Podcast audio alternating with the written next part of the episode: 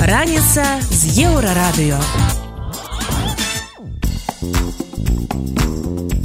Добрай раніцы вітаем вас на еўрарадыё. Пачынаем праграму раніца з еўрарадыё. Штодзённае шоу пра важныя падзеі, якія ўплываюць на жыццё беларусаў. Галоўнае на гэты момант. У России вызвалілі з рабства беларуса. А почему сам полицию не обращал? Ну, как бы сказать, он прокачанный просто. Угрожает какими-то связями? Типа того. Колькасць студэнтаў ВНУ за 10 гадоў зменшылася ўдвая. Все критически плохо и, можно сказать, безнадежно в сфере социально-гуманитарного знания. Прадстаўнік Украіны па Беларусі сустрэўся з шальцамі каардынацыйнай рады. Ніколі з пачатку незалежнасці Беларусі і Украіны не было такіх дрэнных стасункаў паміж двумя бакамі. Падрабязнасці неўзабаве. Раніца з еўрарадыё. Гісторыя быццам бы сярэднявечча, але гэта Расія ў 24 годзе. Амаль год правёў у рабстве на ферме ў свярдлоўскай вобласці 33гадовы беларус Вадзім Жалескі. Па словах мужчыны летась у траўні ён прыехаў у рассію на заробкі. Яму абяцалі працу на пілараме і 25 тысяч расійскіх рублёў у месяц. Але насамрэч забралі дакументы, адвезлі на ферму і паставілі даглядаць кароў. Заробак беларусу не плацілі, за парушэнні білі. У выніку мужчына звярнуўся па дапамогу ў ініцыятыву альтэрнатыва. Яе ўдзельнікі разам з валанцёрамі журналістамі змаглі вызваліць ураджэнца нашай краіны. Вось што былы вязень расказаў валанцёрам пра умовы ўзняволенні. То ли табуреткой полетела, то ли что, не знаю. Я не видел. Ты же тоже пытался убежать? Что с тобой сделали? Меня тупо отобрали документы. Он пришел проверить за пару часов до поезда. А в сумке их не оказалось. Ну, все. Дальше нету смысла ничего. Даже пытаться куда-то уходить. А во время работы закрывается помещение? Такое. Вот, проживаете сейчас? Да, Закрывается, да? конечно. А почему сам полицию не обращал? Ну, как бы сказать, он прокачанный просто. Угрожает какими-то связями? Типа того. Гаспадар фермы нават пасля прыезду паліцыі не спяшаўся адпускаць беларуса і вяртаць яму грошы. Тлумачыў гэта тым, што частку сумы нібыта пералічваў былой жонцы Вадзіма жалескага у якасці аліментаў. Урэшце пад ціскам паліцыі рабаўладальнік вярнуў мужчыну дакументы і выдаў грошы на квіток дадому. Жалескі, як паведамляецца, цяпер у бяспецы і бліжэйшым часам плануе вярнуцца на радзіму. Еўрарадыё. Далей у праграме раніца з еўрарадыё.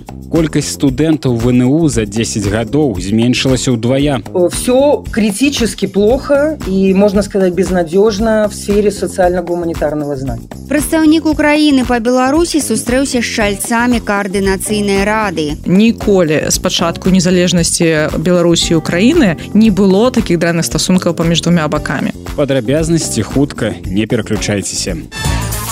Раніца з еўрарадыё. У Беларусі ўсё менш людзей атрымліваюць вышэйшую адукацыю. Пра гэта на дзяржТБ нечакана распавёў рэктар універсітэта інфарматыкі і радыёэлектронікі Вадзім Богуш. Па яго словах, у цэлым за апошнія 10 гадоў колькасць студэнтаў ВНУ зменшылася ўдвая. У некаторых універсітэтах гэта лічба нават большая. Напрыклад, у полацкім цяпер навучаецца дзве з паловай тысячы чалавек, а некалі там было больш за 10 тысяч навучэнцаў. І наўрад ці сітуацыя палепшыцца, бо ўлады робяць усё, каб яшчэ больш пагоршыць прэстыж вышэйшай адукацыі ў краіне. У першую чаргу не спыняюць рэпрэсіі супраць студэнтаў і выкладчыкаў. А профільнае міністэрства плануе драконаўскія меры для ўтрымання выпускнікоў у краіне. Напрыклад, абяцае павялічыць тэрмін абавязковай адпрацоўкі. Якасць той адукацыі, што даюць цяпер беларускія універсітэты, таксама ў катастрафічным стане. Вось як яе ацэньвае прадстаўніца офіса ціханаўскай па навуцы і адукацыі Тацяна Шчыцова у эфір проекта «Обычное утро». Все критически плохо и, можно сказать, безнадежно в сфере социально-гуманитарного знания. Э, Если вас интересуют дисциплины этого, э, э, вот, э, этого профиля, то, конечно, э, я все время об этом говорю, надо ориентироваться на поступление в европейские университеты. Если вам интересна политология, социология, психология, антропология, философия и так далее, чтобы оказаться сразу в контексте современной науки, современного Э, исследований, читать современную литературу, обсуждать современные идеи. То в Беларуси в этом плане надеяться э, особо не на что, но только на самообразование. С техническими науками и вот э, другим, другим спектром знаний, другими дисциплинами ситуация лучше, потому что там нет вот этого абсолютно деструктивного влияния идеологии, пропаганды. Вось толькі ні чыноўнікі, ні сам Лукашенко шчыра не разумеюць, што не так. І прымяняюць адзіныя зразумелыя для іх метады, прымусоўку і бясконца перапісвання праграм. Еўрарадыё. Далей у праграме раніца з еўрарадыё. Прадстаўнік украіны па беларусі сустрэўся з чальцамі каардынацыйнай рады. Ніколі спачатку незалежнасці беларусі украіны не было такіх дрэнных стасункаў паміж двумя бакамі. Працягнем неўзабаве. Раніца з еўрарадыё На пачатку лютага ва ўкраіне з'явіўся амбасадар па асаблівых даручэннях па Беларусі. Ім стаў дыпламат ігар кізім. У першых інтэрв'ю ён заяўляў, што плануе больш шчыльна займацца наладжваннем дыялогу паміж афіцыйным кіевам і беларускімі дэмакратычнымі сіламі ў выгнанні. Надойчы адбылася першая сустрэча кізіма з прадстаўнікамі беларускай апазіцыі. З вынікамі гэтай сустрэчы у эфір да рэдактара еўрарадыё з метра лукашука завітала старшыня міжнароднай камісіі каардынацыйнай рады кіраўніца фры Беларусь цэнтр Паліна бродзік. Расскажыце трошки про гэтую сустрэчу. Наколькі яна раптоўная была ці планавалася якія чаканні і што абмяркоўвалася Ну я хочу пачаць з таго что насамрэч прызначэнне чалавека на гэтую пасаду было доўгачаканым. Яшчэ у ліпені не ў ліпені у лістападзе мінулого году падчас канферэнцыі палка каліновскага мы казалі про то что неабходна каб быў прызначаны спецыяльны чалавек ва украінскім урадзе хто адпавядаў бы за накірунак беларусі Таму што мы бачым мы ведаем што з украінскага боку ёсць зацікаўленасць у тым каб працаваць у гэтым накірунку. Але на той момант на жаль не было створана абставін для таго каб можна было весці далей гэта канструктыўны дыалог і вось інтэнцыя ператварылася ўжо непасрэдна ў дзею. Паліна можна я буду по ходу троху перабіваць збіваць вас з думкі с аднаго боку з другого боку просто удакладняцца. Вы кажаце была зацікаўленасць украінскага боку на супрацу с беларускімі дэмакратычнымі сілы грамадствам беларускім. А на якім узроўні вот гэта цікавасць была? Тому что я ведаю что ну по маіх адчуванням скажем так не ведаю а па адчуваннях что была пэўная зацікаўленасць у пэўных там экспертаў у пэўных розных нейкіх там палітыкаў дзеячоў. Але не сказаць что гэта па-першае была сапраўды массовая зацікаўленасць по-другое что яна выходзіла на нейкія высокія эшалоны украінскай улады Ну спарадычныя сустрэчы адбывались на розных узроўнях. Яны не былі сістэмнымі на жаль і гэта тое что мы усе з абодвух бакоў крытыкавалі і тое что хацелі выправіць. І вось зараз якраз такі шанец у нас і з'явіўся. Але сустрэчы да першая у першую чаргу адбывались на экспертам узроўні. Мы ведаем что штогод адбываецца канферэнцыя братоў астрожскіх куды запрашаюць як украінскіх экспертаў так і беларускіх. Ну і таксама адбылася у 23 годзе канферэнцыя палітычнага кшталту якую ініцыяваў пол каліновскага куды у оргкамітэт пайшлі ўсе беларускія дэмакратычныя сілы яна бы не адбылась калі б не было з таго боку пажадання яе арганізаваць то бок ну украінскі бок пайшоў на сустрач і гэта ўжо было пэўным сігналам таго што яны гатовы да дыалогу на нейкім узроўні на вельмі пачатковым узроўні. І как бы не будзем таіць что насамрэч стасункі двухбаковыя беларуска-украінскі зараз бадай на гістарычна на гістарычным мінімуме знаходзяцца. Ніколі мне падаецца нет мне не падаецца ніколі спачатку незалежнасці беларусі украіны не было таких дрэнных стасункаў паміж двумя бакамі. А, і яны застануцца на гэтым узроўні с афіцыйным мінскам что вельмі важно для нас зараз але не з дэмакратычнымі сіламі я маю надзею.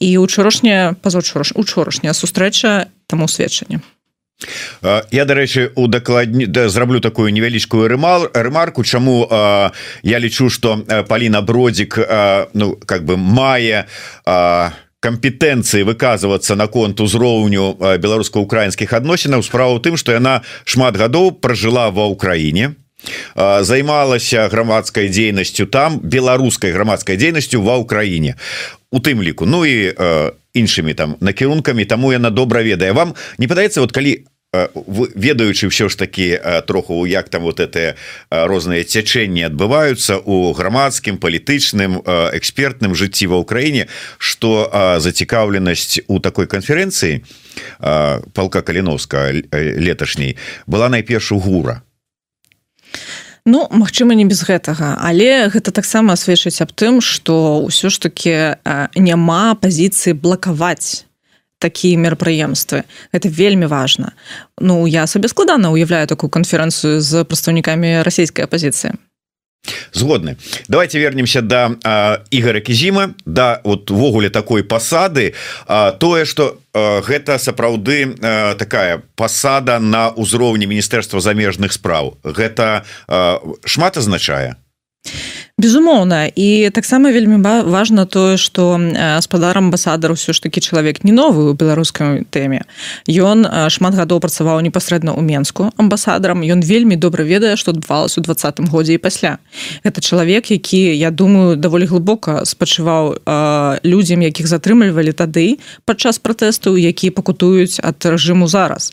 Ён на свае вочы бачу что тады адбывалось Таму гэта чалавек якому не трэба два разы тлумачыць ведаюць насамрэч у якіх варунках мы знаходзілись тады і што будзе з намі зараз. А іншая справа что канешне до гэтага у ігра юрыевича было больш досведу супрацы з тамашнімі уладамі то де-факта уладамі беларусі. А, і ён значна менш пакуль знаёмы з дэмакратычнымі сіламі. Ну але менавіта на гэта на выпраўленне гэтай сітуацыі накіравана сённяшняя яго вандроўка. Ён сустракаўся канешне не толькі з каардынцыйнай рады і я так разумею не толькі ў варшаве у у яго будуць сустрэчы.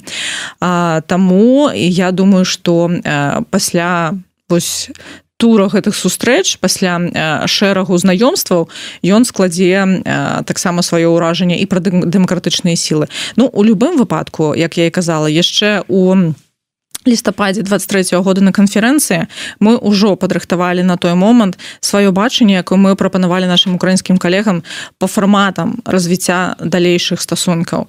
І э, мне падаецца что э, мы можемм знайсці тут кропкі перасячэння на сённяшні дзень ужо з афіцыйным прадстаўніком ад Украіны.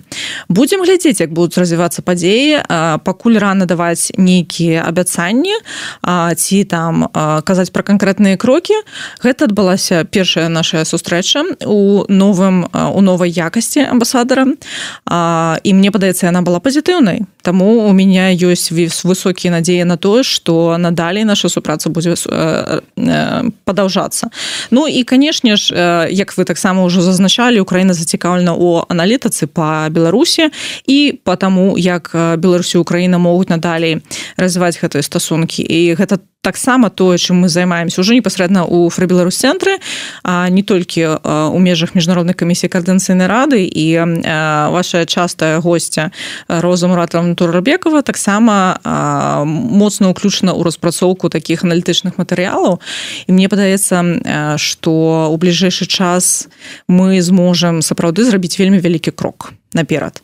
А я вось зараз анансую трошечки скарыстаўшыся магчымасцю что у наступным месяцы мы будем прэзентаваць ад Беларусь цэнтра цэлы шэраг policy papers на тему беларуска-украінскіх стасункаў адразу калі учора мы побачылі інфармацыю дакладней здымак вот з гэтай сустрэчы прадстаўнікоў каардынацыйнай рады а іх было тры віце-спік спікер егораў старшыня міжнароднай камісіі Паліна бродзік і, і намесніца роза турарбекова адразу там я побачыў такі каментар.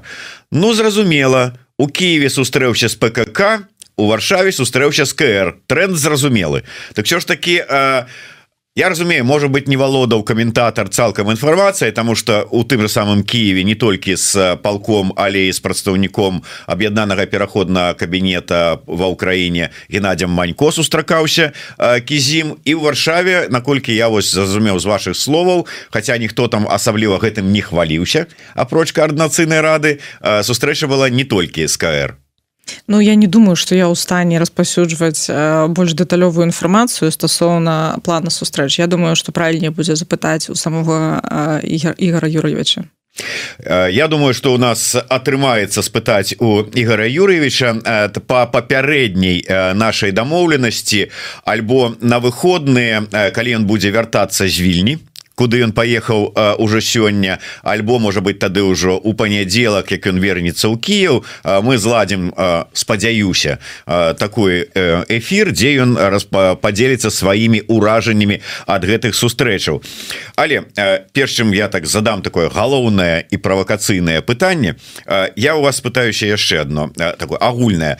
І падчас той канферэнцыі про якую мы зараз сказали палка каліноўцы якую ладзілі у Киеве 23 годзе. І потым падчас нашага нашай размовы с ігорем кізімом пасля яго прызначэння на пасаду амбасадара по асобых даручэннях гучалі такія словы як с украінскага боку і ад кізіма і ад удзельнікаў канферэнцыі что ну вельмі складана нам маўляў ім сэнсе украінскаму бокум что раздробленыя дэмакратычныя сілы Беларусі. Няма нібыта вось такого адзінага цэнтра. Ёсць офіс ёсць кабінет ёсць коаардынацыйная рада ёсць умоўна кажучы там вольная Беларусь ёсць яшчэ нейкія актары. І не ведаеш з кім весці размову. Ці з усімі по па чарзе а не вот ну вот было б прасцей каб вот быў нейкі ўсё ж таки один вот ваше меркаванне Ну у нас ёсць одна Светлана Тхановская яна прадстаўніца у нас і так усяго зараз по два. А две Светланы Тхановскай да. нам не трэба я так думаю. Так вось менавіта что. Я думаю насамрэч Ну з майго пункту пункту гледжання гэта трохі міф ці то такой good excuse для того каб можна было яшчэ трошки пачакаць. Я не думаю что есть складанасць у тым з кем размаўляць. Якраз таки усе актары зразумелыя цалкам. Светлана тихохановская з'яўляецца кіраўніцай пераходного кабінета. Яна возглавляе офіс Слана тихохановская адпаведна. Коаардынацыйная рада гэта у хуткім часе стане паўнацэнная паўнавартасная прадстаўнічы орган дэмакратычных сілаў і грамадзянскай супольнасці беларусі. То что мне б ваша упэўненасць вот у ну, ведаеце. Вы аналізуеце а мы дзейнічаем. Таму тут просто трэба разумець сістэму якім чынам усе гэтыя органы паміж сабою спалучаюцца і каардынуюцца. І да у ёй трэба разабрацца але яна не больш складаная чым любая іншая дзяржаўная структура у той же самой Украіне. Канешне было б прасцей калі б быў там рух у русе быў адзін ці адна кіраўніца і з гэтым чалавекам галоўным можна было б размаўляць. Ну але ж мы распрацоўваем усё ж такі і развіваем палітычную культуру беларусі. Мы імкнемся да парламентарызму у тым ліку. Таму давайте ўжо у пазбаўляцца ось э, стэеатыпа што ў беларусі мусіць быць адзін такі галоўны кіраўнік які над усімі зверху знаходзіцца і толькі ён ці яна можа праймаць рашэнне. Мы імкнемся да кансэнсусных рашэнняў. І мне падаецца што мы ўсё больш і больш за гэта набліжаемся і што тычыцца Украіны ну тут дакладна двух думак розных быць не можа. Ці атрымліваюцца у каардынацыйнай рады у цэлым наладзіць супрацоўніцтва з парламенцкімі структурамі ў еўрапейскіх краінах? А таксама чаго чакаць ад выбару ўраду? Працягвае расказваць старшыня міжнароднай камісіі гэтай структуры паліна Галіна бродзік з групы дэмакратычную Беларусь у верховной радзе Украіны мы якраз таки камунікавалі калі это еще не было модна скажем так. Калі яна яшчэ была створана толькі у жніўні двадцатого году. Ну і ў іншых краінах таксама безумоўна мы ставим гэта свае для сябе прыоритетам таксама мы спрабуем супрацоўнічаць з усімі безумоўна але на ўзроўні там парламентаў парламенцкай супрацы да мы ў першую чаргу выходзім на групы з дэмакратычную Беларусь Беларусь вы цягам размовы выказалі такую фразу что вот зараз там мы там як правядзём выборы як вот сфармуемся перафармуемся як вот узмацнімся вот ужо мы будем тады таким вот протапарламентам усім на зайздрасць. Гуце Паліна у мяне такое адчуванне что чым далей зацягваюцца ўсе гэтыя э, непаразуменні гульні ў выбары і з выбарамі і з выбарчай сістэмай і з усім астатнім тым менш увогуле і даверу і цікавасці у грамадства да такой структуры як коаардынацыйная рада. Можа у мяне перадузятае меркаванне я не как бы не прэтэндую на іст праўду в апошняй інстанцыі тым не менш можа сапраўды яно так і як выправіць сітуацыю вот вам бачыцца что ўсё ж таки імідж ну троху губляе назовем это мягко троху губляе от этой ўсёй сітуацыі Я думаю вы драматызуеце Таму что насамрэч ужо сітуацыя вырашаны рашэнне у групе спецыяльна створаны для гэтага прынята узгоднена паміж усімі палітычнымі гульцамі а канкрэтная маю на увазе Светлан ціхановскай аб'яднаны пераходны кабінет і партыі у тым ліку. Ну і канешне каардынацыйная рада якая была ініцыятарам гэтай групы. А, Таму нам трэба просто ўжо рыхтавацца по прынятаму плану. І э, мы кажам дадзены выпадку што прыняты наступныя наступны фармат выбараў. Па-першае сістэма прапорцыйная гэта значыць што палітычныя суб'екты будуць высоўвацца праз спісы як у прынцыпе у вялікай колькасці дэмакратычных краін і насамрэч не толькі дэмакратычных і адбываецца у свеце спісы будуць закрытымі гэта зусім не значыць што выбарцы не будуць ведаць гэтых людзей якраз такіх імёны усім будуць бачныя яны канешне будуць у гэтых бюлетенях. Просто гэты спіс ён фіксаваны будзе по чарговасці. То бок як партыя чарговасць сканструюе такім чынам гэтыя людзі прапорцыйна змогуць трапіць потым адпаведна да адсотка якія яны атрымаюць на выбарах трапіць у склад наступнай каардынацыйнай рады. Акрамя таго не будзе квот для НДА про які таксама шмат хто спрачаўся і не будзе трох галасоў что было ў прынцыпе асноўным камнем сутыкнення паміж э, рознымі гульцамі а, і да канешне квоты гендерныя мы э, прынамсі я і некаторыя прадстаўнікі большасць прынамсі прадстаўніком міжнароднай камісіі канешне з'яўляемся прыхільнікамі гендерных квот. Калі вам цікава я распавяду чаму. А... ну давайте ўжо я ж бачу что вам самой хочется расказаць Да э, насамрэч такая любопытная сітуацыя адбываецца што нібыта ніхто не супраць але кажуць ёсць ініцыятывы якія не здольныя забяспечыць гэтыя квоты так вось наша прапанова ў тым каб дапамагчы гэтым ініцыятывам забяспечыць гэтыя квоты калі яны как бы не супраць А, Таму што мы бачым каштоўнасць у тым, каб больш жанчын удзельнічала. Вось э, уявіце сабе сітуацыю і я зараз не фантазую, я кажу канкрэтна пра канкрэтныя ініцыятывы, але просто не кажу, якія ініцыятывы. Яны кажуць, што напрыклад, мы хочам каб прайшоў наш спіс а спіс будзе складацца з 50 чалавек і уявім сабе што каардынацыйная рада напрыклад будзе складацца з 80 чалавек то бок калі праходзіць спісу 50 чалавек у якім няма жанчын наша координацыйная рада ператвараецца ну такія тыповыя тыповая мзс беларуская чакайте А що значится мы хочам каб прайшоў наш спіс конкурентная ну, барацьба нет барацьба конечно будзе конечно. Але кожны хоча каб іх спіс прайшоў Ну гэта нормально. То что он хоча это яшчэ не значыцца что ён пройдзе не значыць зусім не значыць Ну тым не менш я как бы опісваю у прынцыпе да як можа скласціся сітуацыя якія ёсць верагодныя сцэнары развіцця гэтай сітуацыі. Ну гэта было б напэўна дзіўна калі б у каардынацыйнай радзе з 50соткаў як мінімум с, с 80 чальцоў як мінімум 50 былі мужчыны пры тым што как бы есть вялікая колькая жанчын якія хочуць удзельнічаць А больш таго у беларускім грамадстве больш за 50соткаў жанчын. І ты рашэнні якія часта прыймаюцца мужчынамі яны далёка не заўсёды улічваюць жаночыя патрэбы. Я вельмі просто прыклад правяду ён не тычыцца палітыкі але как бы просто для разумення нават у якіх сферах это можа адбывацца. Мачыма вы ведаеце яго нават. У падчас там тэстаў тест-драйваў калі разбівалі машины спецыяльна каб глядзець як вось гэтые пашкоджанні ўплываюць на арганізм чалавека манекен заўсёды быў мужчыны ну мужчынскага полу. І глядзелі менавіта якім чынам авары ўплываюць на мужчынскія органы. І у выніку жанчыны пакутавалі ад гэтага больш тому что тыя нюансы жаночага арганізму просто не ўлічваліся.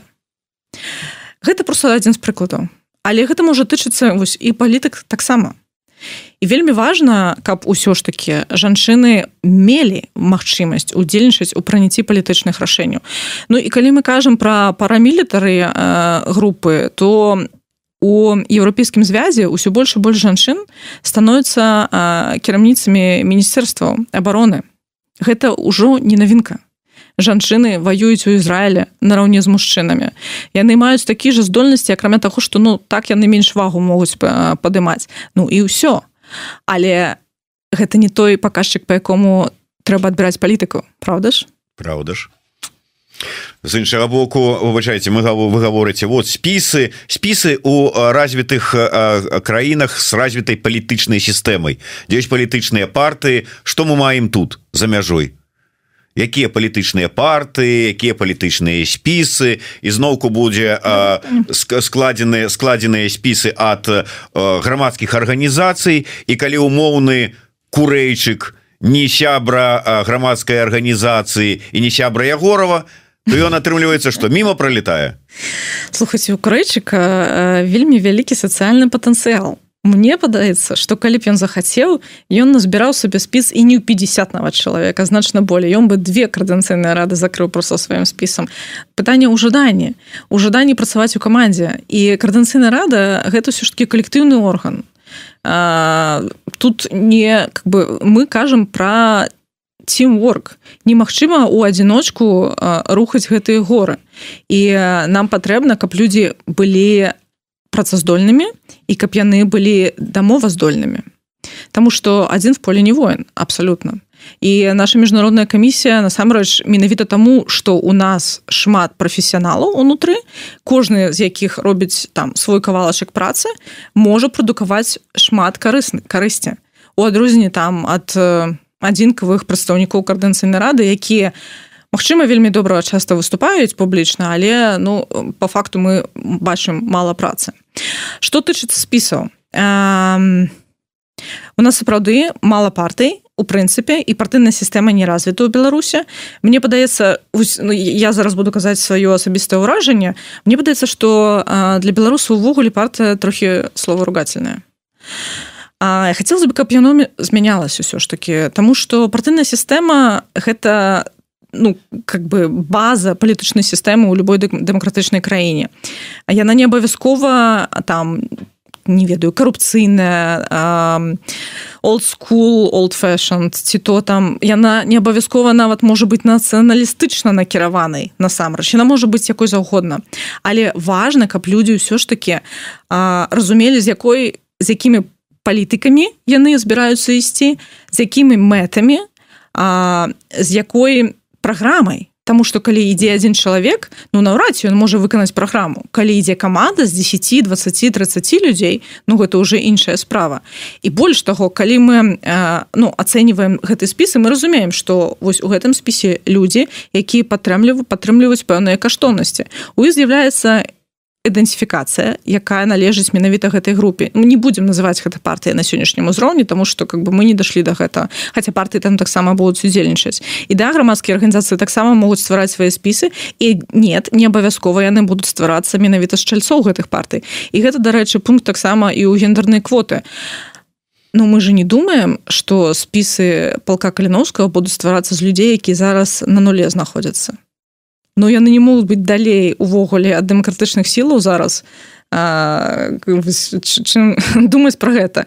Ну то бок безумоўна гэта будуць людзі у якіх ёсць на гэта час якія зацікаўлены у развіцці палітычнай культуры беларусі якія могуць сваім сваімі інтэлектуальнымі здольнасцямі рабіць нейкі унёсак у развіццё. Гэта дакладна не людзі якія зараз заняты іншай справай. Таксама вельмі важнай справай ад якой залежыць жыцці шматлікіх людзей в Україніне і Мачыма нас з вами у тым ліку. Гэта людзі якіх мы усе паважаем і якімі ганарымся. Але просто я не думаю что у іх ёсць магчымасць спалучаць гэтыя две задачи Таму казаць что парамілітарныя групы не могуць скласці спісы ну для мяне дзіўна тому что как бы калі мы кажам усё ж таки про палітыкаў то тут я думаю у жанчын дакладна ёсць калі не перавага то мусіць быць роўныя магчымасці і дакладна ёсць роўныя здольнасці Гэта былі наш рэдактор зміцер лукашук і старшыня міжнароднай камісіі каардынацыйнай рады паліна бродзік. Яны пагутарылі пра сустрэчу з украінскім амбасадарам па асаблівых даручэннях па беларусі ігарам кізімам і пра выбары у каардынацыйную раду. Еўрарадыо далей у праграме раніца з еўрарадыё. Прапаганда накінулася на аматараў рускага света ў беларусі. Гэтая сітуацыя показывае што не ўсе прарасійскія актывісты аднолькава карысныя і аднолькава пазітыўна ўспрымаюцца. На берасцейшчыне прачнуліся першыя кляшчы. Середина чуть-чуть чубурашки клещи уже повылазили про гэта больш падрабязна бліжэйшым часам. Раніца з еўрарадыё у лукашэнкаўскага рэжыму раптам узніклі пытанні да прарасійскіх актывістаў. Тыдзень таму разляцелася навіна што адміністрацыйную справу за несанкцыянаваную акцыю завялі на эльвіру мерсалімаву з віцебскам гэта актывістка якая займаецца прасоўваннем ідэй рускага свету ў беларусі.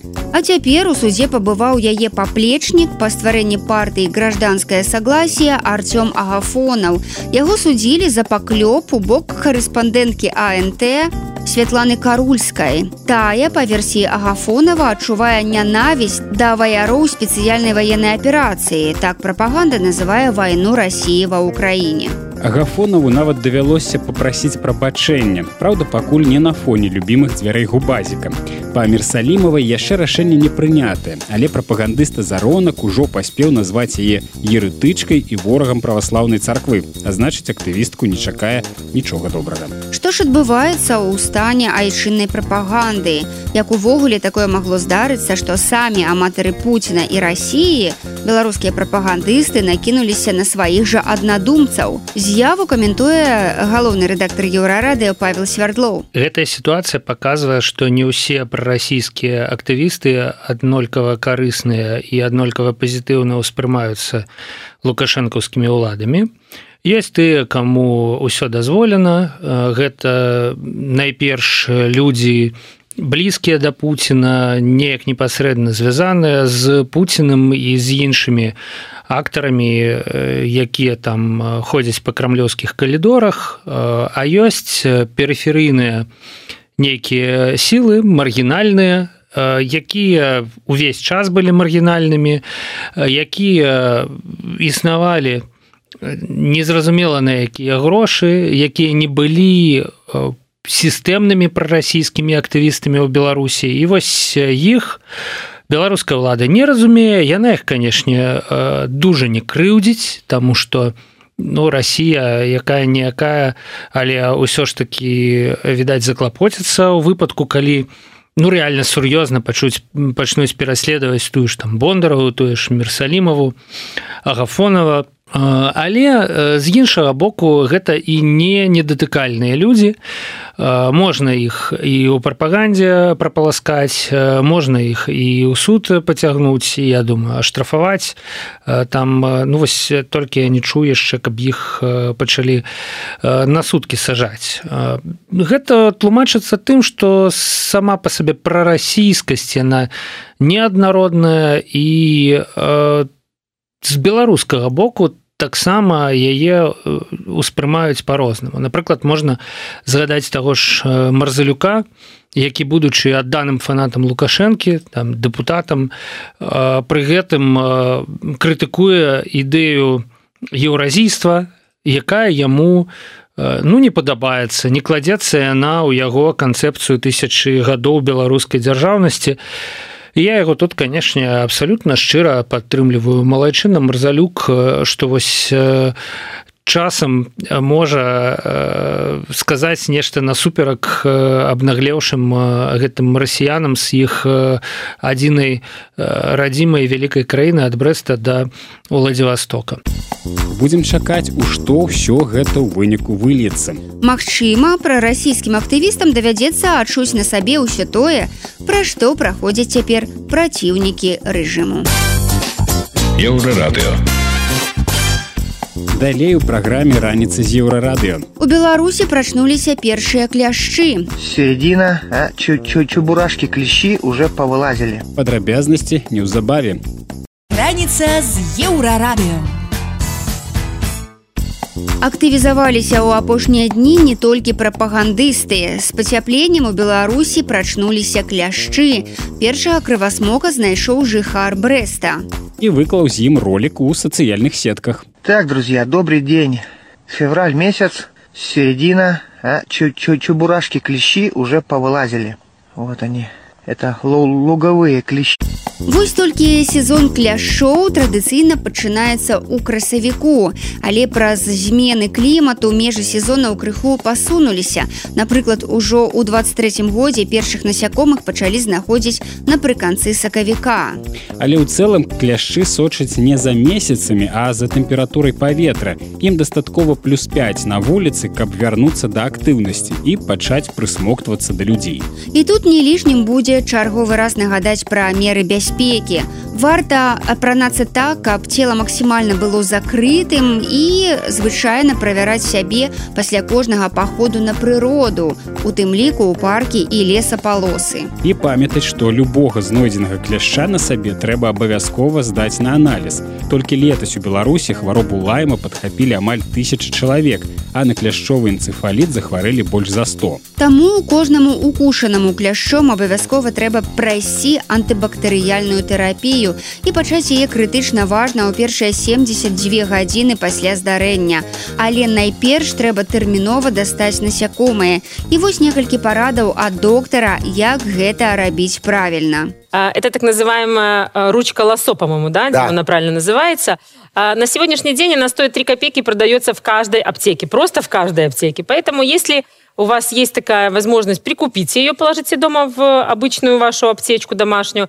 Если такой возможности нет, то можно использовать нить. Ну, мне, например, удобней э, и сподручней, можно сказать так, нитью. Пинцет мы тоже можем использовать, но это может использовать тот доктор, который достает минимум одного клеща в день. Например, если я достаю одного клеща в год, то я в жизни пинцетом его не достану. Почему? Потому что, смотрите, для того, чтобы он, когда внедряется туда головкой, у него такие как штыри, рас, э, распорки. Так, чтобы э, нам его оттуда достать, нам его нужно прокрутить. Да. И тогда эти штыри так хлоп и складываются. И тогда получается, что мы можем его свободно извлечь из кожи.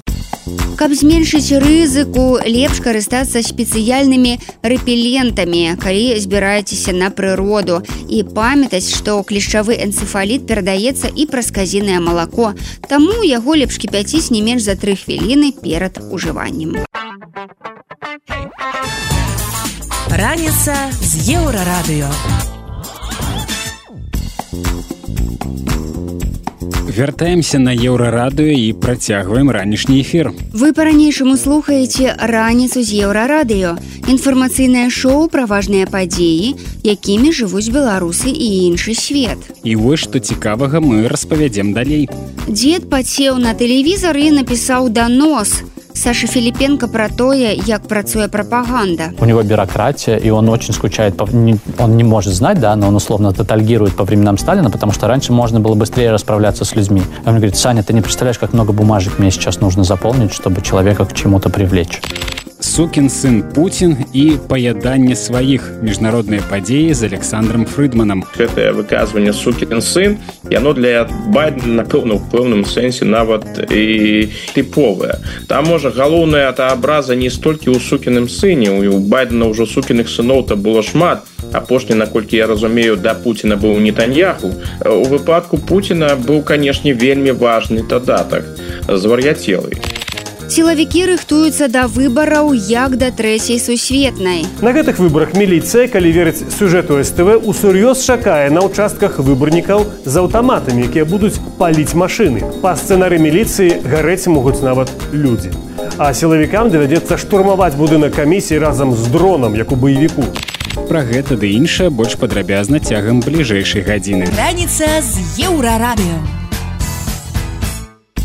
Нядаўна стала вядома, што на пісьменніка Сашу Філіпенку пачалі крымінальную справу, а яшчэ дзве ў працэсе завядзення. Ён дагэтуль не ведае за што. У кватэры бацькоў Філіпенкі, дзе ён прапісаны, адбыўся ператрус. Пасля яго бацька пісьменніка правёў 13 сутак за кратамі за экстрэмісткі рэпост. З дапамогай чорнай кнігі Беларусі пісьменнік высветліў, што данос на яго напісаў ягоны ж дзед як гэта адбылося як працуе прапаганда і чаму беларускія сілавікі сумуюць па сталінскіх часах? Пра гэта саша філіпенко распавёў у інтэрв'ю дойче веле добрый день вечер когда мы здесь не важно здесь не важно я хочу спросить о премьере в германии спектакля по вашему роману кремулятору директоре, так сказать, крематория Донского кладбища и о том, что какую историю он, так сказать, прожил в своей жизни.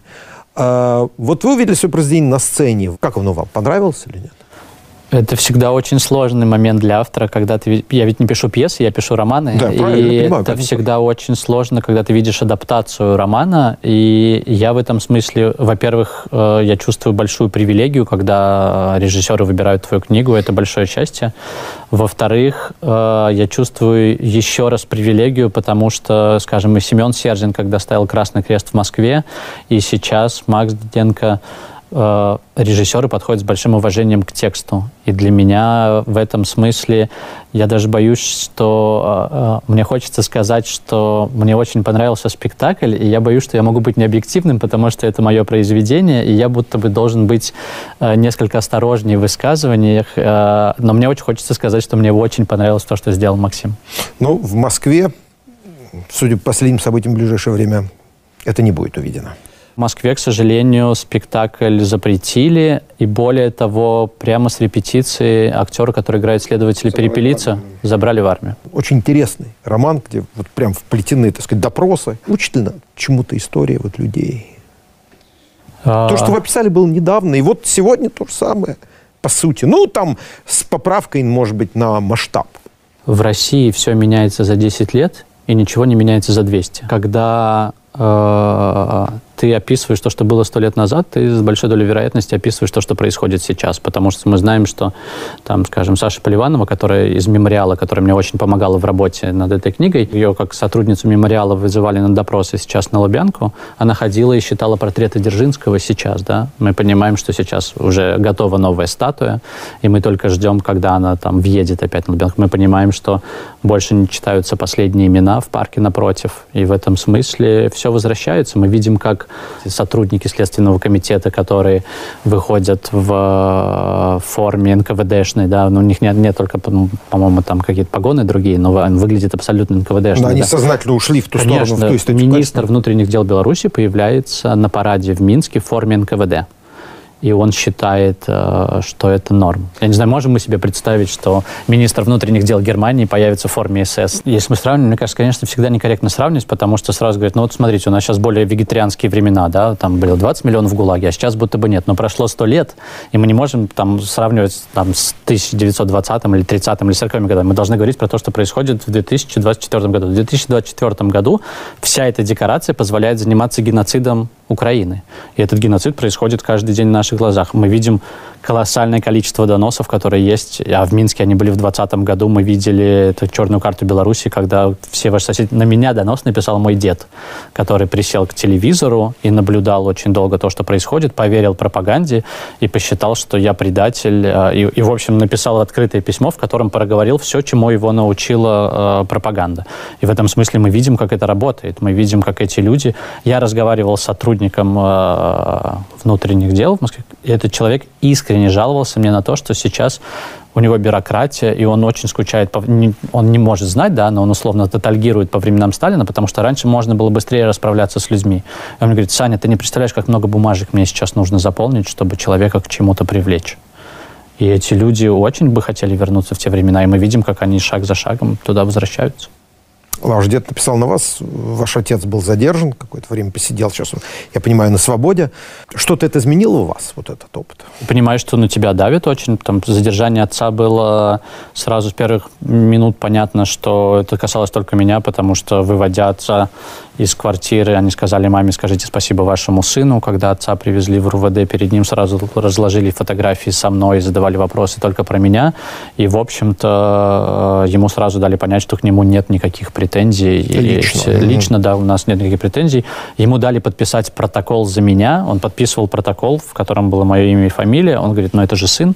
Говорит, да, но мы не можем добраться до вашего сына, поэтому подпишите, пожалуйста, протокол за него. И в этом смысле мы сейчас даже не знаем, папа не успел увидеть э, по какой статье э, возбуждено уголовное дело против меня, он успел только увидеть номер дела. Ему протокол на руки не выдали. То есть я знаю, что против меня возбуждено сейчас уголовное дело, и ему сказали, что возбуждается еще три в процессе возбуждения. Но вас не уведомили об этом? Не да, сказали, но меня не уведомили. Я не знаю, по какой статье, что я нарушил. А мне кажется, что я даже на красный свет ни разу в жизни не переходил в Беларуси. И в этом смысле когда-то я узнаю, что я натворил. Но пока нет вот этот опыт с отцом, он не повлиял на ваш взгляд? Ведь вы когда-то, по-моему, говорили, что не надо торговаться с режимом по поводу политзаключенных. Если торговаться, выпустят там еще 100 посадят, там понятно. Вот вы не поменяли свою Нет, я твердо убежден, что ни в коем случае нельзя торговаться с режимом. И более того, странно менять э, свое отношение. Нельзя же смотреть на эту ситуацию, что это случилось с моей семьей, и поэтому я должен изменить отношения. Это случается с сотнями тысяч белорусов. Мои друзья не могут приехать на похороны к своим родственникам, потому что людей задерживают прямо во время похорона, не прощаются. У меня знакомая девочка прощалась с мамой по скайпу. И в этом смысле происходят чудовищные вещи ведь не только с моей семьей, они происходят с каждой, там, с каждой второй семьей в Беларуси, да, и останавливаться в связи с этим. Мы понимаем, с чем связано это давление, и мне кажется, наоборот, нужно все больше и больше рассказывать, что ничего не изменилось, репрессии идут, и э, нет, в этом смысле я по-прежнему считаю, что нельзя торговаться, и мы должны, наверное, лозунги французской революции, они по-прежнему актуальны. Будьте реалистами, требуйте невозможного. Все политические заключенные должны быть освобождены немедленно, без всяких условий. Саша Філіпенко нарадзіўся ў мінску, але кар'еру пабудаваў у Маскве. Там жа ён пачаў пісаць раманы, самыя вядомыя з якіх былы сын і крымулятар. Сёння Філіпенко жыве ў Швейцарыі і працягвае пісаць па-руску. Як змянілася стаўленне пісьменніка да рускай мовы пасля поўнамасштабнага ўварвання рассіі ва ўкраіну. Працягваем слухаць яго на інтэрв'ю. Для меня странно, что в 24 году есть люди, которые а, по языку еще вдруг тебя чем-то наделяют. Мне кажется, что это мечта Путина была, и если мы это подхватываем, и люди разворачиваются на сто лет назад и делают выводы о человеке по тому, какой у него цвет кожи или по тому, на каком языке он говорит. А, мне кажется, наоборот, очень важно показывать, что на русском языке говорят миллионы белорусов, миллионы белорусов понимают себя при этом белорусами, сражаются за свободы, за элементарные фундаментальные ценности и показывать, что русский язык может быть языком свободы. Почитал, что вы в интервью говорили за последний год. А, давайте проверим некоторые, так сказать, ваши мнения. А, первое. А, российский народ по-прежнему пассивен и ни на какие большие масштабные протестные действия не пойдет, как вы и говорили. Мне кажется, да. Э, основная масса российского народа в моем представлении ведет себя чрезвычайно инфантильно или прячется, или не замечает то, что происходит война. Война уже будет скоро. Страшно озвучивать да, этот срок, как долго идет война. Это не обесценивает э, поступка тех людей, которые выходят. Но их мало. А, белорусский протестный потенциал э, тоже на сегодняшний день выработан, то, о чем вы говорили год назад. Я так говорил. Да. А, ну, внутри что ничего не будет. Нет, мне кажется, что я бы с этим поспорил. А, белорусский потенциал не выработан, он просто трансформируется сейчас. Во что? он трансформируется в другой саботаж, в другие способы сопротивления, потому что сейчас сложно представить те массовые протесты, те манифестации, которые были. В этом смысле да. Вы говорили, надо обучаться саботажу. Вот в одном из интервью, ну, обучились, по-вашему, белорусы? А, мне кажется, что мы находимся все вместе в этом поиске новых способов сопротивления. А какими они могут быть?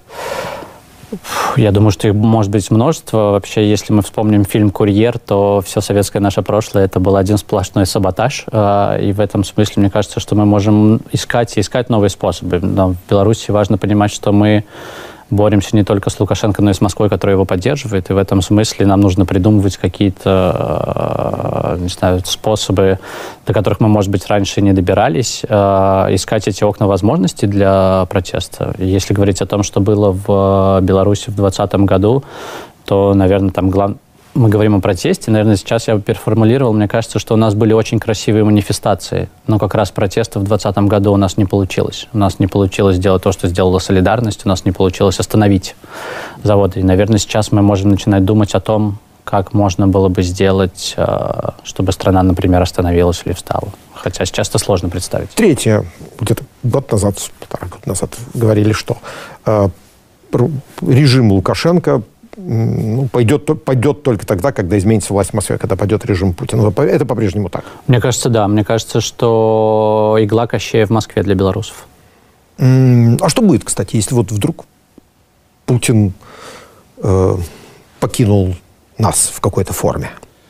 Что будет в Беларуси в этот момент? Я думаю, что Лукашенко станет очень страшно, потому что он поймет, что он остался один на один со своим народом, и он остался один на один с народом, который поддерживает европейцев в той или иной степени. Сейчас у нас есть ощущение, что про Беларусь, конечно, безусловно, забыли, и Беларуси больше нет совсем в повестке, и на фоне войны в Украине, и на фоне других конфликтов про Беларусь забывают, забывают, она опускается все ниже и ниже, да, как лента новостей в Фейсбуке, и вот про Беларусь сразу же забыли но я думаю, что он окажется в самой сложной ситуации в своей жизни, собственно, так как с ним было уже в 2020 году. Но если мы представляем себе, что будто бы Путин уходит, и мы видим себе новую Россию будущего, которая будто бы признает своих соседей, не вмешивается в их политику, не считает Беларусь Татарстаном, не считает Беларусь сателлитом, э, тогда Лукашенко будет сложно. Если э, приходит к власти условно тот же Путин, тогда, э, наверное, у него будет поддержка.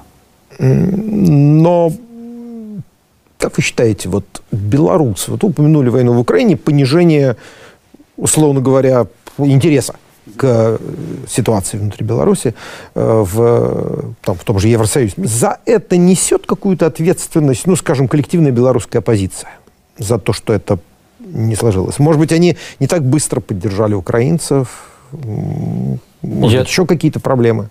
Я думаю, что мне сложно отвечать за всю коллективную белорусскую оппозицию. Мне кажется, что э, условно штаб э, и там совет они делают максимально, делают то, что могут. Что касалось поддержки э, Украины, мне кажется, что она была безусловной с, с точки зрения там, населения белорусского. Другое дело, что некоторые белорусы были несколько я не знаю, какое слово правильно подобрать, наверное, обижены, потому что после 2020 года мы видели опросы, по которым э, мы видели, что там условно 40% жителей Украины поддерживают действия Лукашенко по отношению э, к протестующим. Да? И в этом смысле это скорее говорит не о том, что они действительно поддерживают Лукашенко, а о том, насколько люди ничего не знают про то, что происходит в соседних странах, насколько э, там в Украине не знали о том, что у нас происходит. И в этом смысле, когда политики в Украине призывали белорусов срочно сражаться за Украину, Украину, э, срочно там жертвовать собой, э, там, выходить. А в Беларуси на самом деле были и протесты, о которых не говорили. В первый день войны в Минске вышло, мне кажется, не меньше людей, чем в Москве вышло. Но об этом уже не говорили. А это было после года репрессий. Э, и в этом смысле, наверное, э, там, белорусы не так ярко выступили, как хотелось бы в Украине. Но у этого есть причины. Смотри, тут недавно посол России в э, Беларуси Борис Грызлов сказал, что есть договоренность, ну, они ее вот сейчас достигают между Кремлем и Лукашенко, что для двух стран разработают единый учебник истории, чтобы был единый взгляд на историю, э, и были, так сказать, устроены, там какое-то было употреблено слово типа шероховатости в общем понимании того, что было в прошлом. Э, как, по-вашему, этот проект вообще реализуем? И какова, какова будет на него реакция? Мне кажется, главное, что мы видим, что эти идеи приходят из Москвы постоянно, да, что не Минск инициирует, и не Минск говорит о том, что нам нужно вдруг переписать учебники истории, нам нужно еще больше интегрироваться. И мне кажется, мы наблюдаем, и мы слышим не только об учебниках, мы слышим о единой экономике, мы время от времени слышим эту вечную мантру про единую валюту, но так или иначе это сигналы о том, что Москва поглощает, поглощает. И, и это вопрос, который для нас, для всех открыт. И мы не знаем, насколько мы независимы все эти годы. Мы не знаем, о чем Лукашенко ездит, разговаривает с Путиным на каждой встрече, когда он ездит туда. Мы не знаем, насколько де-факто мы еще независимы. Де-юра будто бы мы независимы. А де-факто какая у нас? Больше ли мы независимы, чем там Республика Татарстан? Мы не знаем, в какой день можно будет поменять э, в Беларуси ну, хотя бы потому, что у вас, наверное, больше независимы независимо, потому что у вас другая валюта. Все-таки много лет Лукашенко этому сопротивляется. Даже, и мне бы интересно было узнать, как. И я думаю, что он сопротивляется, потому что это выдающееся политическое животное, и мы должны признать, это выдающееся политическое животное, которое смогло в течение 30 лет сидеть на всех стульях, на которых можно сидеть. И я думаю, что если бы его можно было препарировать, то это, конечно, политик, которого нужно изучать и изучать. Его какая-то хватка, потому что в 2020 году, не знаю, если вы помните этот момент, когда он выступал перед рабочими на заводе, и когда его его послали, и когда все белорусы почувствовали, что все, это закончилось, мы увидели, что он поплыл, и вдруг в какой-то момент э, даже тогда этот человек смог собраться. Я, не, я, как и вы, не совсем разобрался, в чем там проблема.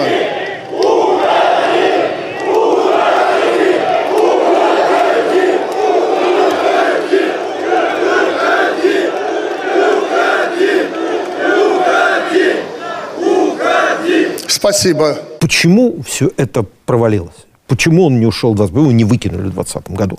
Ну, там бывшие некоторые деятели оппозиции говорят, ну, надо было там просто штурмовать здание брать, а не ставить э, вот эти э, нашумевшие, так сказать, кроссовки снимать перед тем, как встать на скамеечку. Это ваше мнение. Задним числом сейчас можно говорить все, что угодно. Наверное, э, было бы правильно, если бы у нас мы не протестовали только по выходным, а если бы мы все-таки остановились, и этот протест, если бы страна встала и сказала, мы не пойдем в понедельник. Но, с другой стороны, у нас и были понедельничные марши, и в этом смысле сложно сейчас говорить. Когда говорят, что протест в Беларуси был мирным, мне кажется, люди не совсем понимают, что он не мог быть другим. Беларусь голая страна в смысле оружия. У людей на... невозможно было представить себе другое сопротивление, потому что Беларусь была вычищена от оружия много-много лет назад.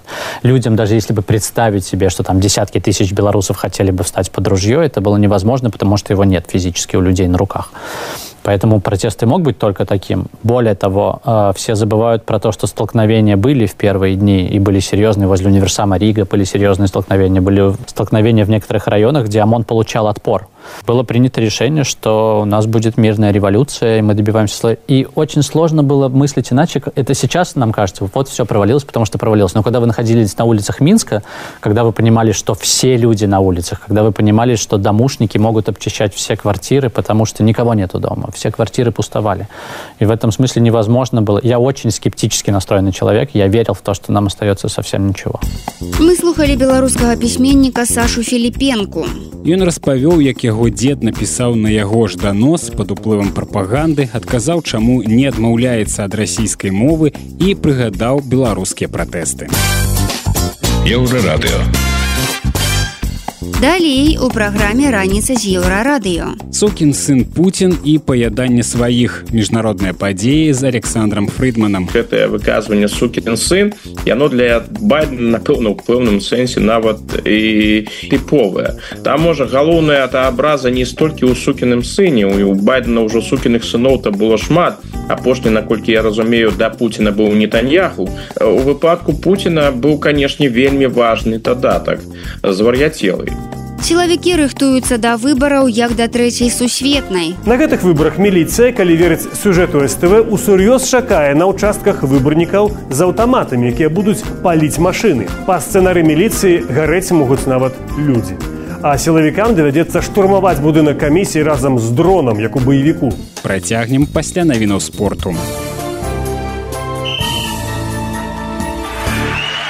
На еўрарадыё навіны спорту.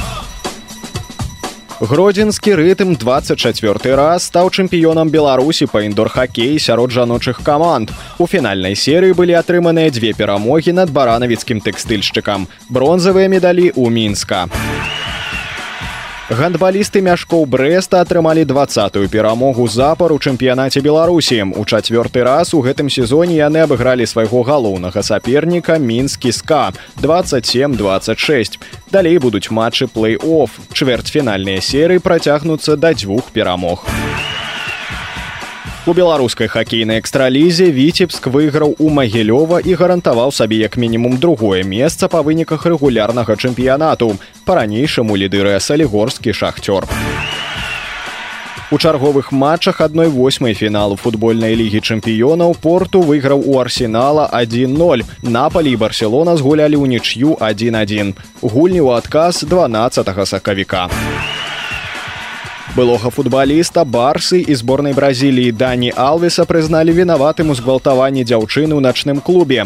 Суд прайшоў у іспаніі. Сорокгадовы алвес асуджаны на чатыры з паловай года турмы. Таксама ён павінен выплаціць пацярпелай 150 тысяч еўра. Гэта былі навіны спорту. Заставайцеся на еўрарадыё. Раніца з еўрарадыё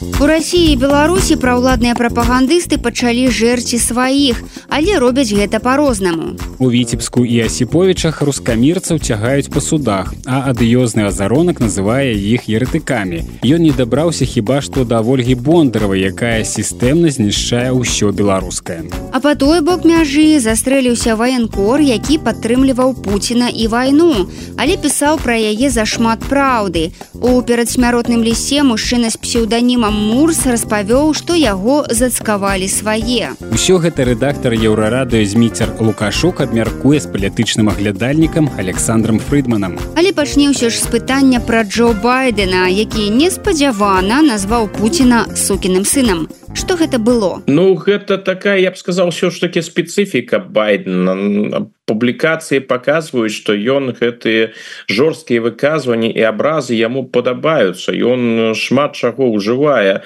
у сваім жыцці і вось гэтае выказванне сукін сын яно для байдена напэўна у пэўным сэнсе нават і і і тыповая там можа галоўная та абраза не столькі ў сукіным сыне у байдена ўжо сукіных сыноў то было шмат. Апошні наколькі я разумею да Пуціна быў нетаньяху. Таксама было ж там публікацыю прэсе што ён яго так называе бо яму не падабаюцца дзеянні ізраильскага прэм'ера у выпадку Пуціна быў канешне вельмі важны дадатак звар'яцелый і гэта канешне для Пуціна у пэўным сэнсе абраза. Ну можа у пэўным сэнсе і адказ на тыя кампліменты у на адрас байдена з боку Пуціна который байдену сённяшнім становішчы абсалютна не патрэбны калі там Путін казаў про тое что вось байден мог бы что байден у якасці прэзідэнта злучаных штатаў гэта лепшая опцыя для расійскай федэрацыі што ён лепшы э, за трампа бо ён прадказальны Вось.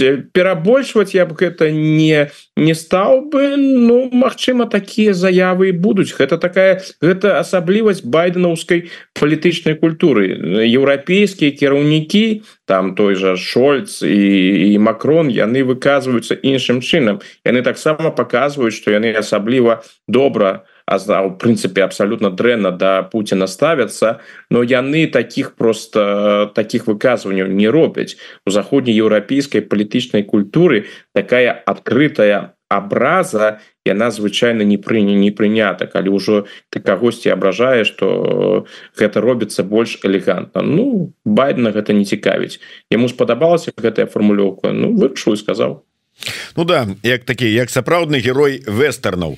Але верні таксама і забойцам называў так что из-за параўнанні тут такое такое пытанне кім забойца альбо альбо звар'я целы сукін сын Ну напэўна забойца нават горш Да. Ну хотя і одно і другое вельмі вельмі падобная на рэчаіснасць але да беларускіх сітуацый і от дарэчы звяртаючся да нядаўняй поездки. Ну я так разумею что ўсё ж таки сына кадырова лукашенко не дагнаць по колькасці ўзнагародаў атрыманых але тым не менш вось рустам міниханов уручыў александру лукашенко орден дуслык ім в татарстане нага узнагароджваюць за асобыя заслугі ва ўмацаванні міжнароднага аўтарытэта Рэспублікі Татарстан. Ну чым яшчэ займацца так званаму кіраўніку Беларусі як не ўмацоўваць аўтарытэт Рэспублікі Татарстан? Ўсё ж таки как бы частка фактычна расійскага істэблішмента. Але як вы ацэньваеце як ввогуле ўспрынялі гэтую поездку так махнули рукой і ну-ка давай-ка сюды на адкрыццё нейкага там манежа ламануўся вот ці ці что гэта? Ці это ўсё ж таки больш сур'ёзнае мерапрыемства? Бо тут выглядае так что там лукашенко рассказываў як усе еўрапейскія лідары ўжо под абцасам у ЗША і выконваюць тыя каманды якія там с Вашынгтона прыходзяць. І тут же на наступны дзень ламануўся на словы Пуціна у Татарстан. Некуды там нейкі манеж открывать Ну тут тут так сказать тут можно процитовать одного вядомага советского фильма паводзін лукашэнкі он не мог поступить иначе і гэта гэта менавіта менавіта тая тая гісторыя. Калі яны запрашаюць калі расійскі бок кажа ты павінен быць у лукашэнкі няма ніякіх магчымасцяў. Ён не можа сказаць что ён не прыедзе. Вось мы ж тыя расійскія праекты дзе якія больш-менш важныя былі за апошні час с нейкай знешнепалітычным накірунку яны ж яго заўсёды запрашалі.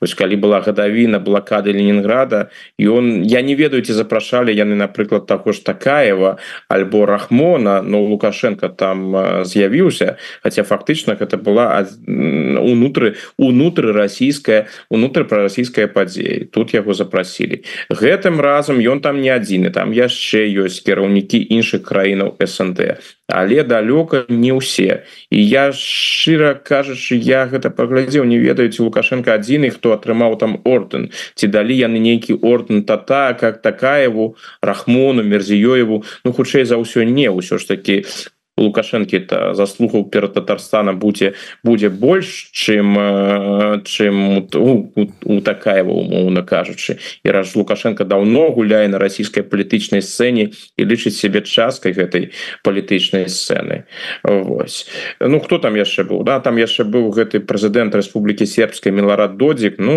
ён ён ён вядомы спецыфічны кадр і які заўсёды знаходзіцца на расійскім баку так что тое что ён туды накіраваў накіраваўся гэта для яго нават вельмі такая добрая рэч. Ён там сярод сапраўдных прэзідэнтаў. Ён жа толькі кіруе рэспублікай сербскай у складзе Босніі герцегавіны А тут так ці інакш прэзідэнты сапраўдных суверэнных незалежных незалежных краінаў. Так что да лукашэнкі яшчэ раз калі звярнуцца до лукашэнкі лукашенко там выклікаюць яго лічаць часткай часткай расійскай палітычнай сцэны.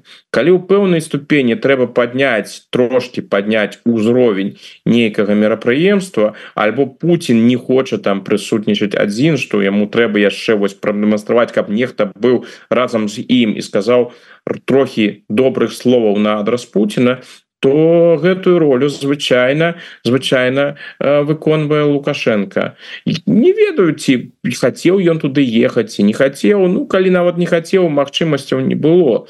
Калі Россия выклікае лукашенко ў сённяшніх умовах не можа сказаць не працягваем абмяркоўваць палітычныя навіны тыдня з александром фрыдманам. Мяне асабіста здзівіла гэты як это любяць называць у а, розных сацыяльных сетках такі жабагадзюкінг калі азаронак раптам напаў на прарасійскую актывістку мірсалімаву на фоне того что губазік ходзіць як кажуць там у яго постоянно ты вісяць і партрэты Путина і за сімволіка калі я гляжу там здаецца нават з сімволікай супрацоўнікі КДБ затрымлівалі гэтых так званых діверсантаў то гэта нормально. А тут раптам у Мерсалимову мало того что завинтили на 15 суток по протэсным артыкуле за парушэнне правядзення массовых мерапрыемствах так зараз яе абвінавацілі у беларусафобіі і сказали про тое что патрыятычныя каналы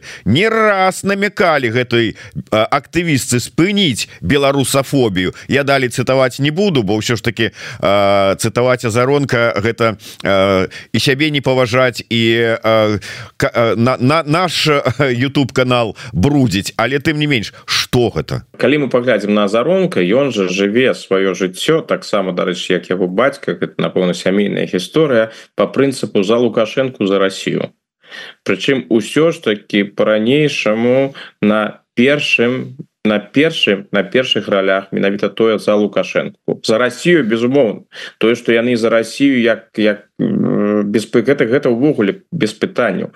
Гэта не абмяркоўваецца. Але ўсё ж таки галоўнае на дадзены момант гэта лаяльнасць лаяльнасць лукашенко калі мы паглядзім на мерсалімаву то яна жыве по прынцыпу за Россию гэта яе галоўны прынцып.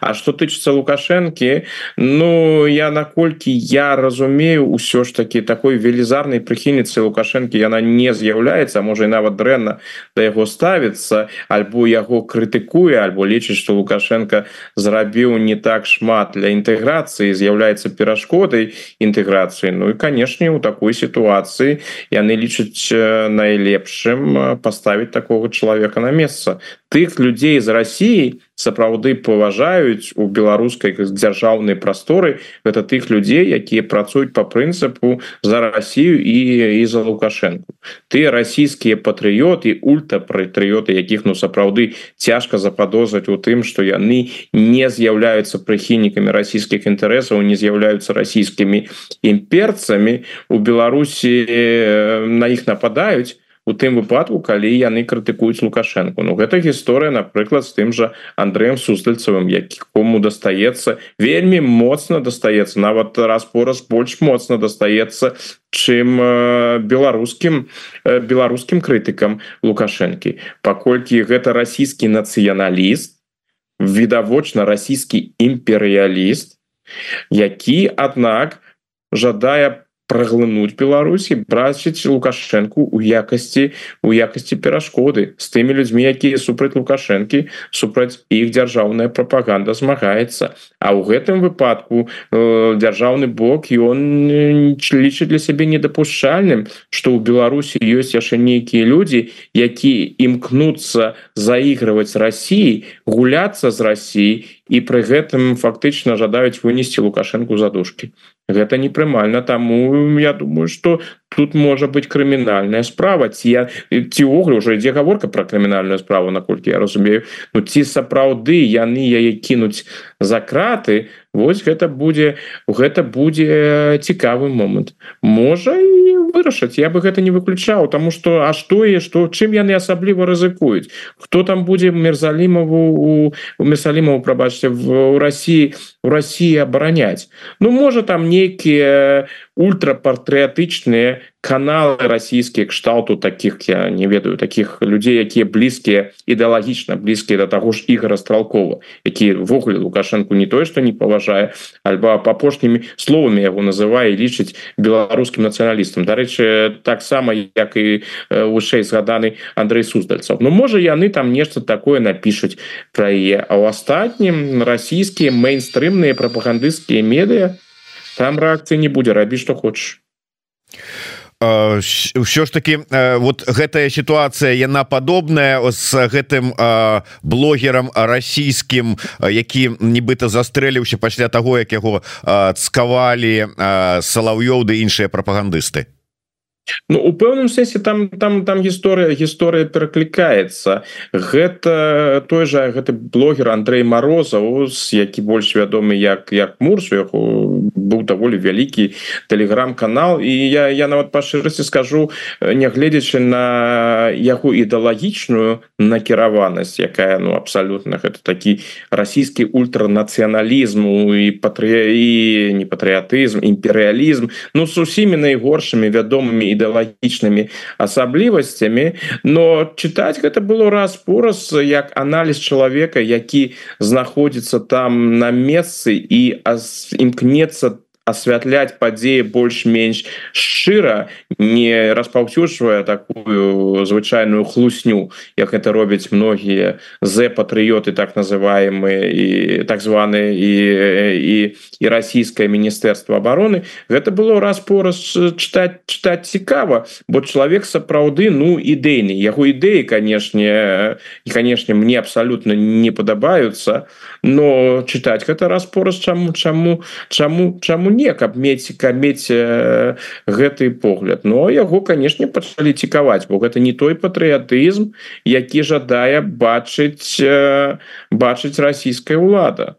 У расійскай улады ён ён штучны а у гэтых людзей кшталту стралкова там не ведаю хто я кого яшчэ можна узгадаць таго ж вось гэтага нябожчыка мурза іх расійскі нацыяналізм і імперыялізм ён не штучны ён сапраўдны яны сапраўды такія яны жывуць з гэтай ідэі ўсё сваё жыццё. Яны не імперыялі не прабачце не не апартуністы кшталту Пуціна які там у 90-е годы 90-е гады матчаў у 90-е гады яшчэ працуючы в санкт-петербургу марыў про тое каб жыць на захадзе а у 80-е годы як яго сослужыўцы казалі увогуле марыў про тое каб вось гэты свет з магчымасцямі з адзеннем заходнім і іншае каб атрымаць каб стаць частку гэтага ўсяго а потым сёння з'яўляецца вось таким радыкальным расійскім нацыяналістам.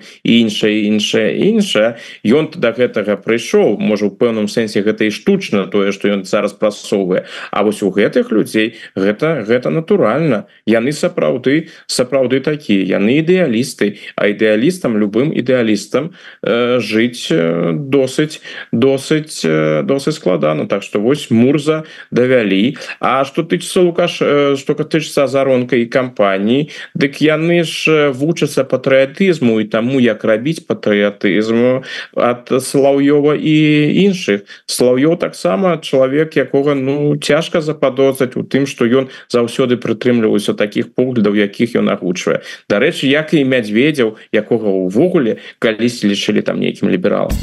Гэта быў палітычны аглядальнік Александр Фрыдман. Рэдактар еўрарадыё зміцер Лукашук абмеркаваў з ім палітычныя навіны тыдня. Тое, як прапаганда ў Беларусі і рассіі пачала жэрці сваіх, а байден не цырымоніцца ў выразах, калі адказвае на пытанні пра Пуціна.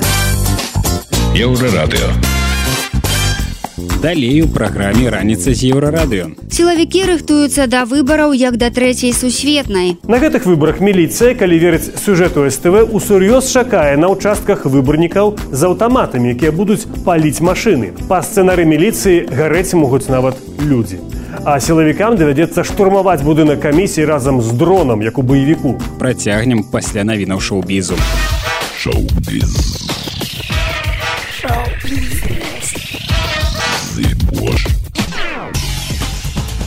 Навіны шоу-бізу на еўрарадыё. Тыдзень сучаснай беларускай драматургіі канцэнтрацыя пройдзе ў мінску з 25 лютага па 3 сакавіка падзею будзе прымаць рэспубліканскі тэатр беларускай драматургіі. Падчас тыдня пакажуць спектаклі карней па творах владимира караткевича вечар па п'есе алексея дударова камень дурасці па п'есе константина сцешыка апроч спектаклей можна будзе наведаць сцэнічныя чытанні п'еса таксама адукацыйную праграму якая дапаможа лепш зразумець свет драматургіі і тэатра мастак алексей кузьміч зноў прыязджаў у Беларусь. Праз два месяцы яго эвакуявалі. Гэтая эвакуацыя экстраардынарная тым што чалавек неаднаразова падвяргаў сябе небяспецы вяртаючыся ў Беларусь што пацягнула за сабой значныя наступствы і стварыла дадатковую нагрузку на службу эвакуацыі паведамляе байсол. Кузьміч вяртаўся ў краіну з вымушанай эміграцыі ўжо другі раз. Цяпер жа ён называе прычынай вяртання сямейнай абставіны. Хацеў развітацца з цяжкахворай бабу бабуляй. Рэмейк вядомага амерыканскага мультсерыяла аватар легенда аб апошнім магу паветра ад Netflix расчараваў прыхільнікаў любімай стужкі. Новая гісторыя распавядае пра Аанга маладога героя, якому даручана авалодаць усімі чатырма элементамі, каб выратаваць свет. Выправіць няўдачы экранізацыі 2010 года ў рэмейка не выходзіць, піша The Hollywood Reporter паспешлівы аповед і няўклюднае выкананне прымяншаюць эмацыянальную глыбіню арыгінала. Нягледзячы на разнастайны акцёрскі склад, у рэмейку не ўдалося перадаць магію яго папярэдніка. Неаднаразовы намінант на прэмію Оскар рэжысёр Сэм Мэндэс плануе зняць чатыры асобныя фільмы пра кожнага ўдзельніка Бітлз, Пола Маккартні, Джона Ленана, Джорджа Харрысона і Рынга Стара. Гэтыя фільмы будуць перасякацца, каб апавядаць пра шлях культавага калектыву. Для мяне вялікі гонар расказваць гісторыю вялікага рок-гурта і я рады кінуць выклік паняццю таго, што такое падыход у кіно кажа Мендес. Sony Pictures Entertainment будзе фінансаваць і распаўсюджваць усе чатыры фільмы. Падрабязнасці о планах выпуску будуць агучаныя пазней, але студыя абяцае, што стратэгія будзе інавацыйнай і наватарскай. Гэта былі навіны шоу-бізу, заставайцеся на еўрарадыё.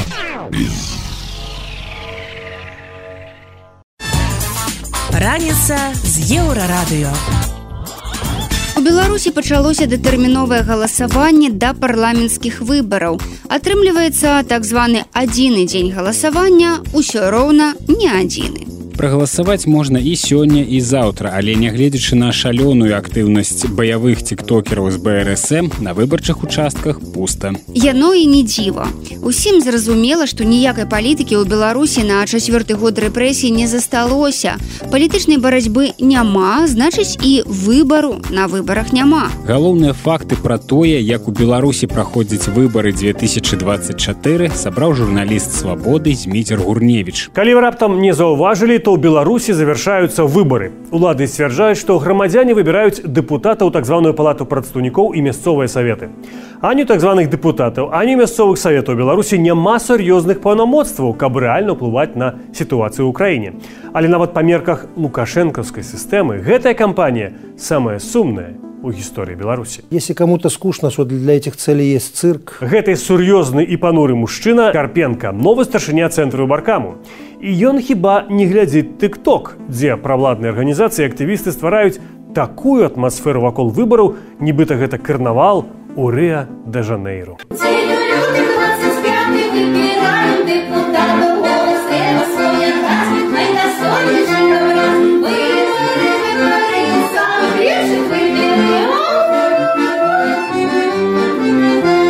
Але так толькі ў тык-току. У рэальным жыцці на вуліцах беларускіх гарадоў даводзіцца праводзіць пікетую падтрымку так званых выбараў. Карпенко арганізуе выбары ў Беларусі ўпершыню, калі не лічыць так званы канституцыйны рэферэндум. Гэтая роля яму дасталася пасля сыходу на пенсію лідзі ярмошыны ці, як яна сама сказала, на чаканне смерці. Але калі хтосьці чакаў змену ў працы ЦВК, то лідзі ярмошына яшчэ ў 22 годзе усіх супакоіла. В общем-то, в Центральной комиссии остался работать тот аппарат, который работал со мной. Але штосьці новае Карпенко, былы міністр адукацыі і старшыня камуністычнай партыі, усё ж прынёс у ЦВК пасля сыходу ярмошынай. У гэтым перакананы эксперт у выбарах Александр Шлык. У адрозненне ад Ермошынай э, Карпенко не з'яўляецца экспертам у галіне выбараў. Ён больш з'яўляецца экспертам, калі так можна сказаць, у галіне дзяржаўнага кіравання ці нават кіравання чалавечымі рэсурсамі дзеля э, ну, такой мэты, якую ставіць яму ягонае кіраўніцтва. І гэта ўжо заўважна, бо э, калі нават глядзець на тэлеграм-канал беларускай э, цэнтральнай выбарчай камісіі, ужо заўважна, што найбольшую частку э, часу кіраўніцтва займаецца тым, што наведвае розныя э, ну, установы адукацыі з якімі і карпека таксама звязаны.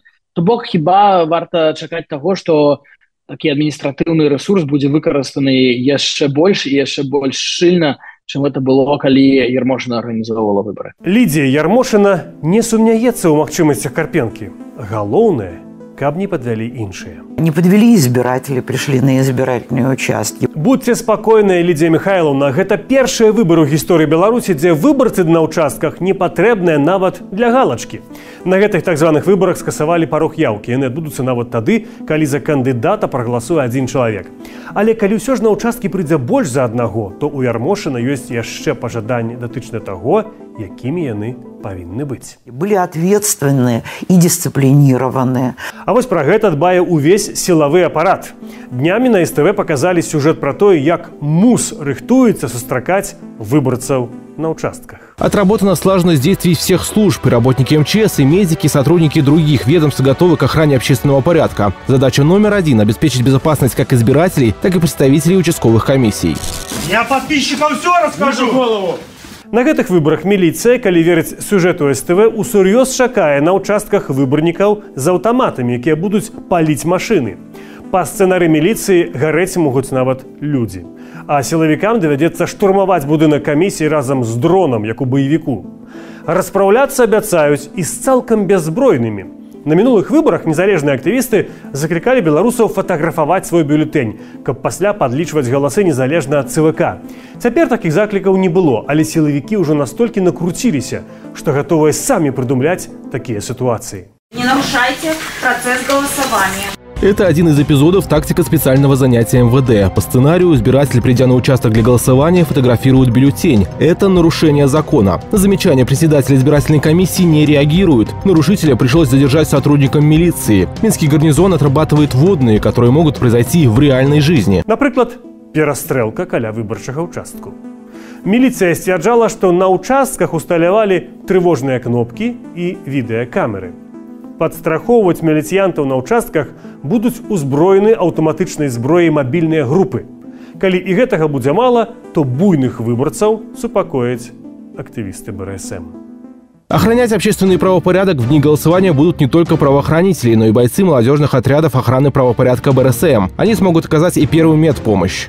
Вот таким образом, четырьмя пальцами мы захватываем угол нижней челюсти. А ці ёсць нейкая прычына рыхтавацца да дня галасавання як да трэцяй сусветнай вайны. Апазіцыя гэтым разам заклікае байкатаваць выборы, то бок не прыходзіць на ўчасткі. Але калі ўжо кагосьці загоняць сілай, то галасаваць раіць супраць усіх. Але на БТ свой свет. Тамтэйшая палітычная аглядальніца Марыя Пятрашка раскрывае карты.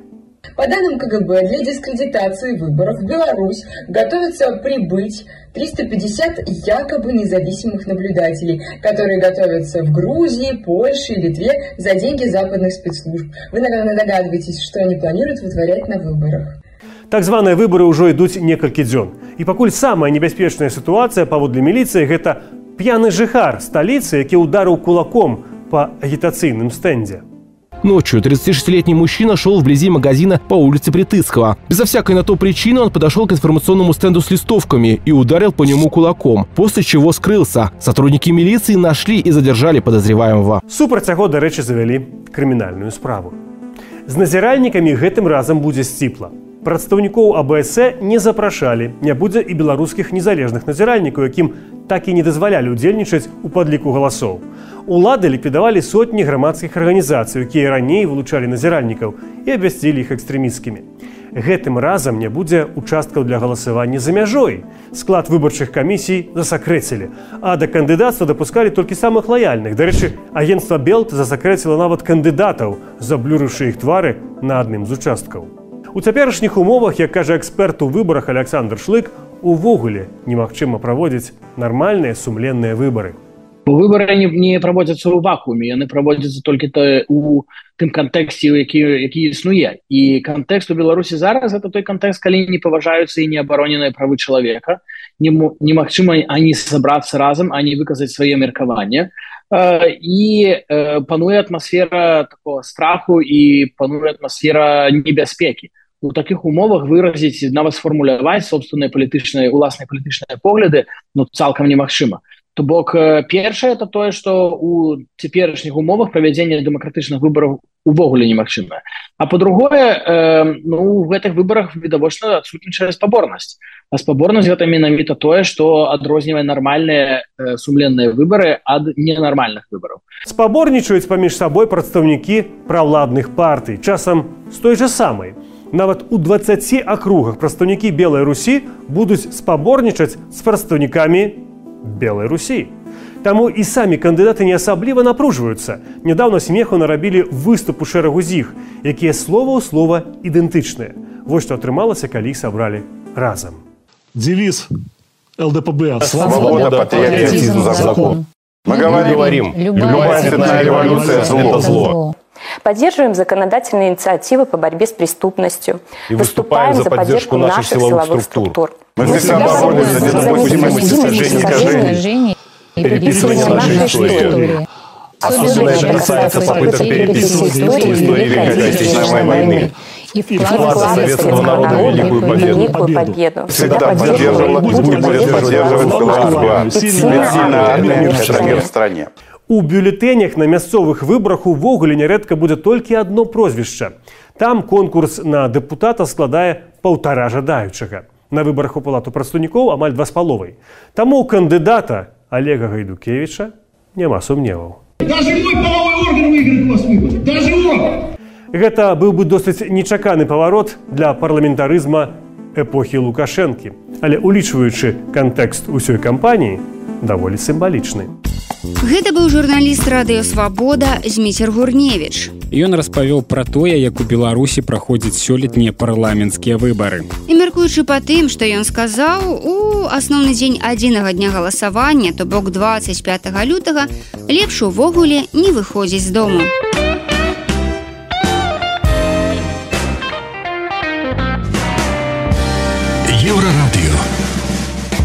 Гэта былі самыя важныя навіны і сэнсы раніцы з еўрарадыё. Заўтра ранкам мы зноў распавядзем вам пра галоўнае, што адбываецца ў краіне свеце. Сустракаемся ў той жа час у тым жа месцы. Беражыце сябе. Пачуемся.